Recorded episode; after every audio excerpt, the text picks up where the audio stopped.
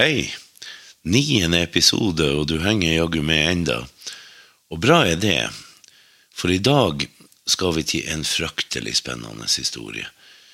Vi skal nok en gang til Romerriket, og til en historie som er så spennende og så tragisk.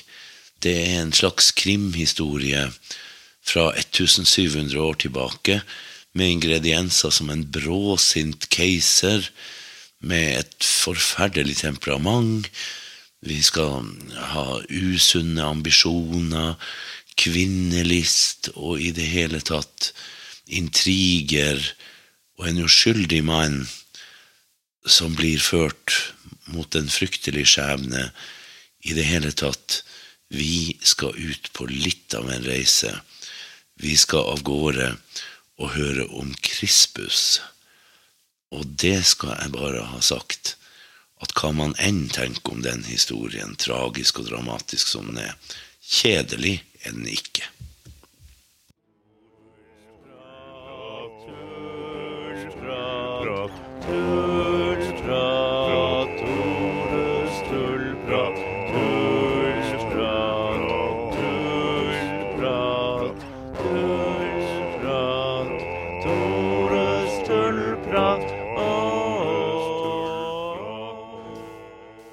Jeg sitter her med en bronsemynt, som altså er nesten 1700 år gammel. Er, den kan være 1700 år gammel, men den kan også være tre år nyere, for akkurat denne typen mynt ble slått mellom 321 og 324. Så ja, den er i hvert fall praktisk talt 1700 år gammel. Den viser portrettet av en ung mann, og på forsida står det jo Krispus. Krispus var da aldri keiser, så han kunne ikke smykke seg med tittelen Augustus, men han var utnevnt av sin far Konstantin den store, eller Konstantin den første, som Cæsar, som er en tittel som ble brukt på medkeiser, i realiteten en underkeiser. Han var jo underordna far sin, men like fullt så utøvde han keisermakt i de områdene han var satt til å styre. Så sånn sett så er det, sjøl om han ikke direkte var selve keiseren, så var han i høyeste grad høyt på strå. Og den er litt interessant på flere måter, denne mynten. Den er slått i Siskia i sin tid. Den har da et, en laurbærkrans, et maktsymbol i Romerriket, på baksida. Og inni den står det Vot X. Og det er altså da en sånn mynt der folk, mange, om det var Konstantin, Krispus, Lisinius de, de ga ut mynter med løfter om å styre lenge. Så når det står vot, er det votis, altså lover, ti X er jo romertall ti. Så han lover rett og slett å fortsette å styre i minst ti år til. Det skulle han jo aldri klare å holde, faktisk. I tillegg da rundt den laurbærkransen står det jo da Cesarum Nostrorum, altså vår medkeiser eller underkeiser. Så i det hele tatt, det er, det er en mynt med et et stort løfte som skulle vise seg å være umulig å holde. Men ikke av den grunn vi tror. Ikke fordi han ikke valgte å holde løftet sitt, men rett og slett fordi hendelsene som skjedde, skulle gjøre det helt umulig. Og det er ganske spesielt å sitte og se på den her eh, bysten med et ganske vakkert portrett. Og portrettene på romerske mynter fortsatt var ment å være nokså portrettlik. Det er, det er ansiktstrekk, så du kan rett og slett uten å kunne lese, så kan du kjenne de forskjellige keisere og underkeisere og sånn fra hverandre. Så sånn sett så, så er, det, er, det, mulig å vite at det er Krispus sjøl uten å lese teksten, hvis man kan sine portretter godt nok. Og det er jo litt trist å se på denne unge mannen. Det er altså et vakkert portrett, og denne mynten er aldeles vakkert bevart. Den er bokstavelig talt irrgrønn. Det var den jo ikke da den var ny, for det, det bronse inneholder veldig mye kobber, og det er jo rødlig. Det vil ha vært en, en fin rød glans i mynten. Men i våre dager finner man dem jo ikke sånn, fordi at over så mange år i bakken så reagerer de med oksygen og sånt og, og irre. Og så er det bevaringsforholdene der nede som avgjør om det blir en pen, vakker patina der overflaten er akkurat som den var før, som i dette tilfellet, eller om det irrer og blir fullt av, av små groper og blir, blir stygg. Veldig ofte blir jo bronsemynter stygge når de har ligget lenge, lenge i bakken, og ofte er det helt umulig å lese noe som helst detaljer på dem. Men den her må ha ligget i krukke eller et eller annet, sånn at, sånn at den rett og slett er så vakker som den var da den var ny. Bare grønn i stedet for rødlig. Rett og slett en, en mynt som er så til de grader verdt å ha i ei, samling. Rett, den, den, er så, så pen. Og, når man da kjenner historien bak denne mynten, så kan man ikke hjelpe for å føle et stikk av smerte. For denne historien er, er virkelig stygg og trist. Og sjøl om altså, Romerrikets keisere hadde så mange svakheter, i høyeste grad, mange svakheter, og ofte var fryktelig brutale og alt det der, så er jo Krispus en av de man ikke finner så mange sånne feil med. Han, det kan godt være at han var alt annet enn trivelig for alt man vet, men det, det vet man i så fall ikke. Han har strengt tatt bare et ganske godt rykte. Han var en høyt elska sønn av sin far. Han var en god og dyktig offiser som soldatene likte veldig godt. Og i det hele tatt han, Alt man leser om han, viser han som en, en dyktig mann. Og så langt det går an å lese ut av ting, så var han også faktisk en ganske trivelig mann. Etter den tidas målestokk. Det var brutale tider. Selvfølgelig. Så denne lille kobbermynten forteller en historie Ja, en historie man ikke glemmer når man først kjenner den.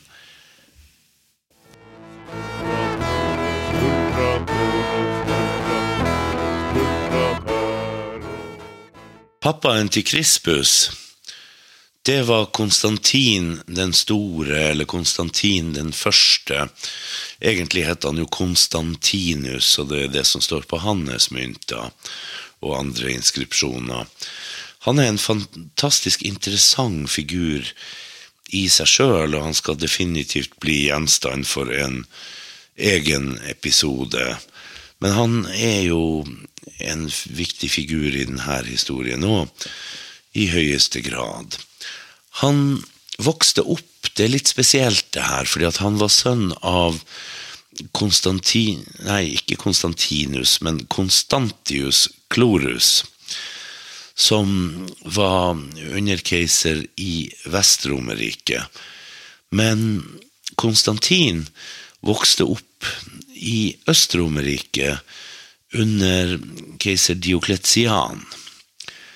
Og han var jo offiser og adelsmann, og som sådan ble han jo behandla som det han var, høyt på strå og alt sånt. Men i realiteten var han altså et gissel. Det var rett og slett sånn at Diokletian hadde sønnen til Konstantius Glorus i Øst-Romerriket som rett og slett en sikkerhet på at Konstantius ikke skulle finne på noe dumt, få ambisjoner om keisermakta eller noe sånt. Så ja, har du sønnen til noen, så kan du sikre deg mot at de gjør noe dumt. Så sånn var det.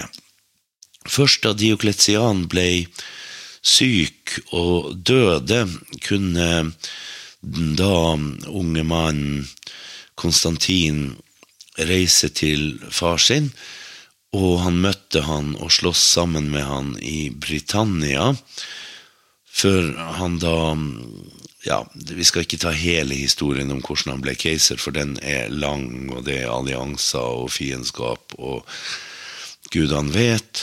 Han overvant jo sin rival Maxentius, som tok makta i Italia og Roma. Og det er litt viktig å nevne, fordi at det var der han endte opp som den første kristne keiseren i Romerriket, og gjorde faktisk kristendommen til statsreligion. Det har seg sånn, ifølge legenden, at Konstantin han fikk da natta før slaget en åpenbaring eller drøm hvor han så et symbol på himmelen og hørte en stemme si 'in hoc signo vinces', altså 'under dette tegnet skal du seire', og han løp ut og forlangte at alle hans soldater skulle da male det her tegnet på skjoldene sine, og det gjorde dem. Og en del som forteller denne historien igjen, de, de sier at det var korset han fikk dem til å male på, på skjoldene, men det var det absolutt ikke. Det var De som har vært i kirka og sett, har kanskje av og til lurt på et symbol. Det ser ut som en langstilka P som går ned gjennom midten av en X. Det har ingenting med verken P eller X å gjøre. Det er de greske bokstavene ki og ro, som da rett og slett er de første bokstavene i navnet Christos, altså Kristus, den korsfesta. Og ja, de brukte det symbolet på skjoldene sine, og mm, Konstantin overvant Maxentius så det holdt etter. Maxentius døde, og veien var på mange måter åpen for da mm, Konstantin til å fortsette å vinne større og større deler av Romerriket. Overvant sin tidligere kompis Lysinius, blant annet. og ja, endte opp med å grunnlegge Konstantinopel, som i dag heter Istanbul. Så historien om Konstantin er mer enn spennende nok, men vi skal egentlig bare snakke nå om den ene historien, nemlig hans livs største tragedie. Og takket være den så mista han ikke bare en sønn, han mista ei kone, og Romerriket skulle ta kraftig skade av det som skjedde. Det skal vi straks snakke mer om.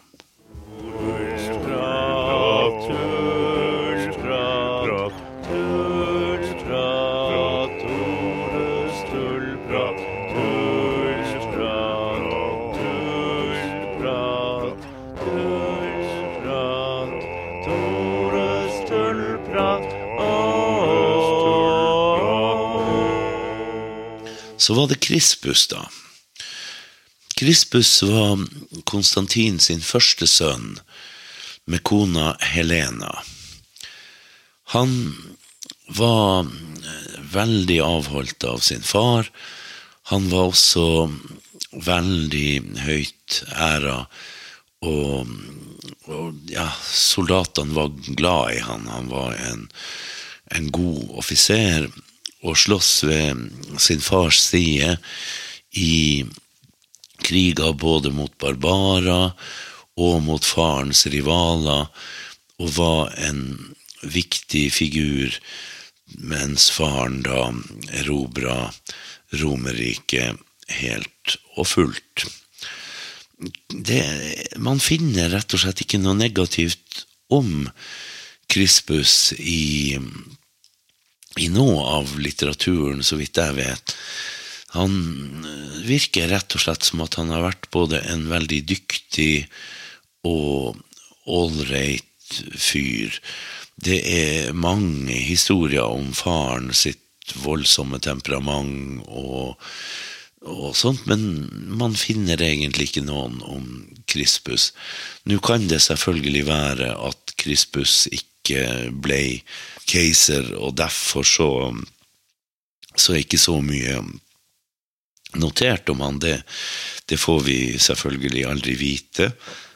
Ingenting tyder på at han var noe at det var noe galt med han. Han, han virker i det som finnes av kilder, som en, en bra fyr, rett og slett. Og som sagt, Konstantin var veldig glad i han. Konstantin gifta seg jo på nytt med Fausta og fikk tre sønner til. De het jo da noe sånt som Konstantius etter Konstantin sin far, Konstantinus og Konstans. De var ikke så veldig kreative når det gjaldt navn i det dynastiet der, kan man vel trygt si. Men det var jo der grunnlaget for at det skulle gå så galt som det gikk, også lå, nemlig i at det var tre sønner til og ei ny kone. Det behøver ikke alltid slå så godt ut. Og det gjorde det virkelig ikke. Bare så det er klart. Det fins to skriftlige beretninger om det som skjedde. Det er Sosimus Historicus, som skrev om det på tidlig 500-tall, altså omtrent 170 år etter det skjedde, og baserte seg på en tidligere kilde. Johannes Sonara skrev om det på 1100-tallet, altså veldig mye seinere, men, men, da basert på tidligere kilder som er gått tapt, som vi ikke har lenger. Men i det hele tatt, det er en historie som er dokumentert, sjøl om de helt samtidige kildene ikke lenger finnes. Men hva i all verden var det som skjedde? Hold fast, bli her, så skal du få høre de grufulle detaljene om det.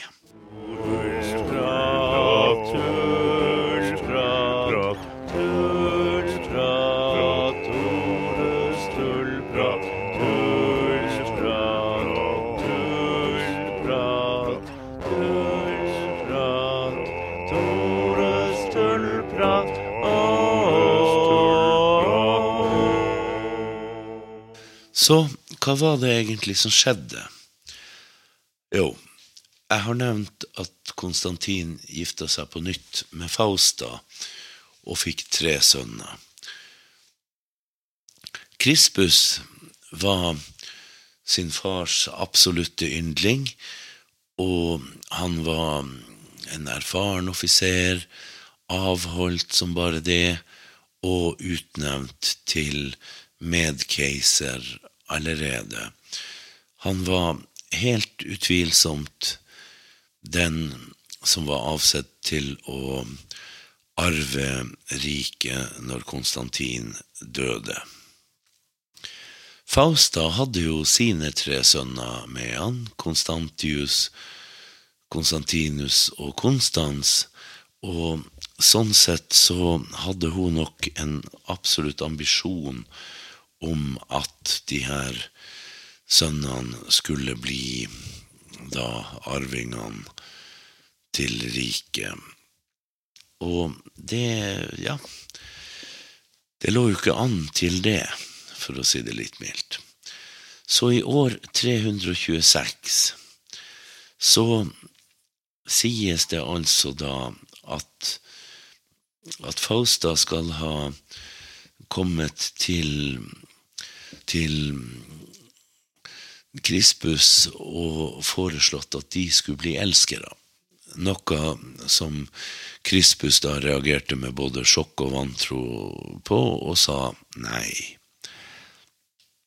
Falstad gikk så til Konstantin, og der spriker kildene litt, om hun sa til han at han hadde voldtatt henne, eller om han hadde sagt til henne at han ville de skulle bli elskere. Det, det er forskjellige historier om, men uansett, den nokså Ja, hva, hva man skal si Altså, Konstantin hadde et voldsomt temperament, og det slo mildest talt ikke feil denne gangen.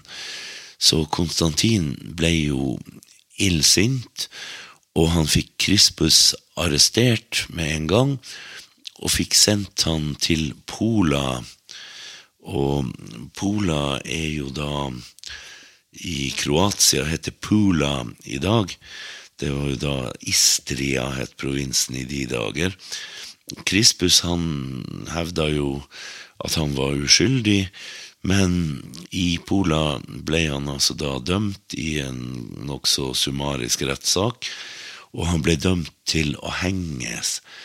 Og det i seg sjøl er ganske heftig for en adelsmann i Roma, for det å, å henges det var noe som ble gjort med, med småkriminelle, og det er en straff som var langt under verdigheta til en, en, kongelig, men det var nå det som ble dommen, og han ble hengt i Pola. Så er det jo sånn at etter Krispus var sendt dit for å få sin dom og bli henretta og alt sånt, så fikk jo Konstantin kjøla seg litt ned, og han snakka litt med mor si, som var ei klok, gammel dame, og han begynte etter hvert å skjønne at det her var ikke nødvendigvis som det så ut. Nå var det jo for seint å få stoppa noe noe henrettelse av Krispus, for det var i de dager kunne man ikke bare sende en SMS eller ta en telefon. Det er langt, tross alt, fra Konstantinopel til Pola. Langt nok til at ingenting kunne stoppes, men han skjønte jo da at han var blitt lurt. Og han ble jo ikke mindre forbanna av det når han hadde fått henretta sin høyt elskede sønn på grunn av det her. Så da var det jo Fausta sin tur å bli straffa og straffen var ikke trivelig, for å si det sånn. Fausta ble drukna i et kokende bad, som jo, ja, man kan jo si det var kanskje en passende straff for en fryktelig forbrytelse, men ja, det er en grufull ting å gjøre. En veldig grufull ting å gjøre. Så Konstantin fikk jo da på samvittigheta at han hadde fått henretta sønnen sin. Han hadde også henretta kona si, og det lå veldig tungt på samvittigheten hans i årene som skulle følge. Og ja, det var i det hele tatt ikke godt, og det er fullstendig mulig at Konstantin tenkte på det da han like før sin død lot seg døpe Hvorfor han lot seg døpe så seint, sjøl om han var blitt kristen, det kan man jo diskutere, og det får vi jo aldri vite. Men eh, yrket som keiser innebar en god del stygge avgjørelser, og det er fullt mulig at han venta til den tid hvor han kunne, ja, med god samvittighet ta imot ja, tilgivelsen Rett og slett. Det er, det er ikke usannsynlig at det var sånn han tenkte. Men i alle fall, Krispus var død, og det var Fausta også, og ingenting i verden kunne bringe dem tilbake. Så det fikk jo et etterspill, og det etterspillet var jo i seg sjøl ganske interessant.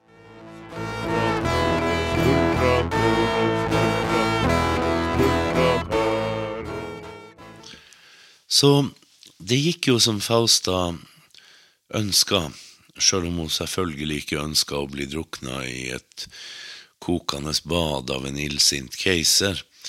Men sønnene hennes ble jo keisere i Romerriket. For det var jo ikke flere arvinger igjen. Det var Konstantius, Konstans og Konstantinus. Og de tok hver sin del av Romerriket og ble ganske snart uvenner og sloss seg imellom.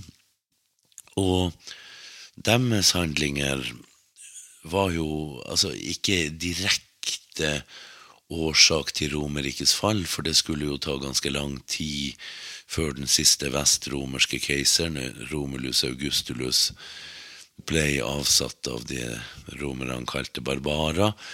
Men i alle fall så var deres handlinger med på å, å sørge for at det kom til å bli sånn, for det svekka Romerriket kraftig. Så det fins et ordtak som sier 'vær forsiktig med hva du ønsker deg, for du kan ende opp med å få det'. Og i Fausta sitt tilfelle så var nok det veldig, veldig sant. Så en fæl historie om en fæl forbrytelse. Men sånn gikk det, og resten er, som man sier, historie.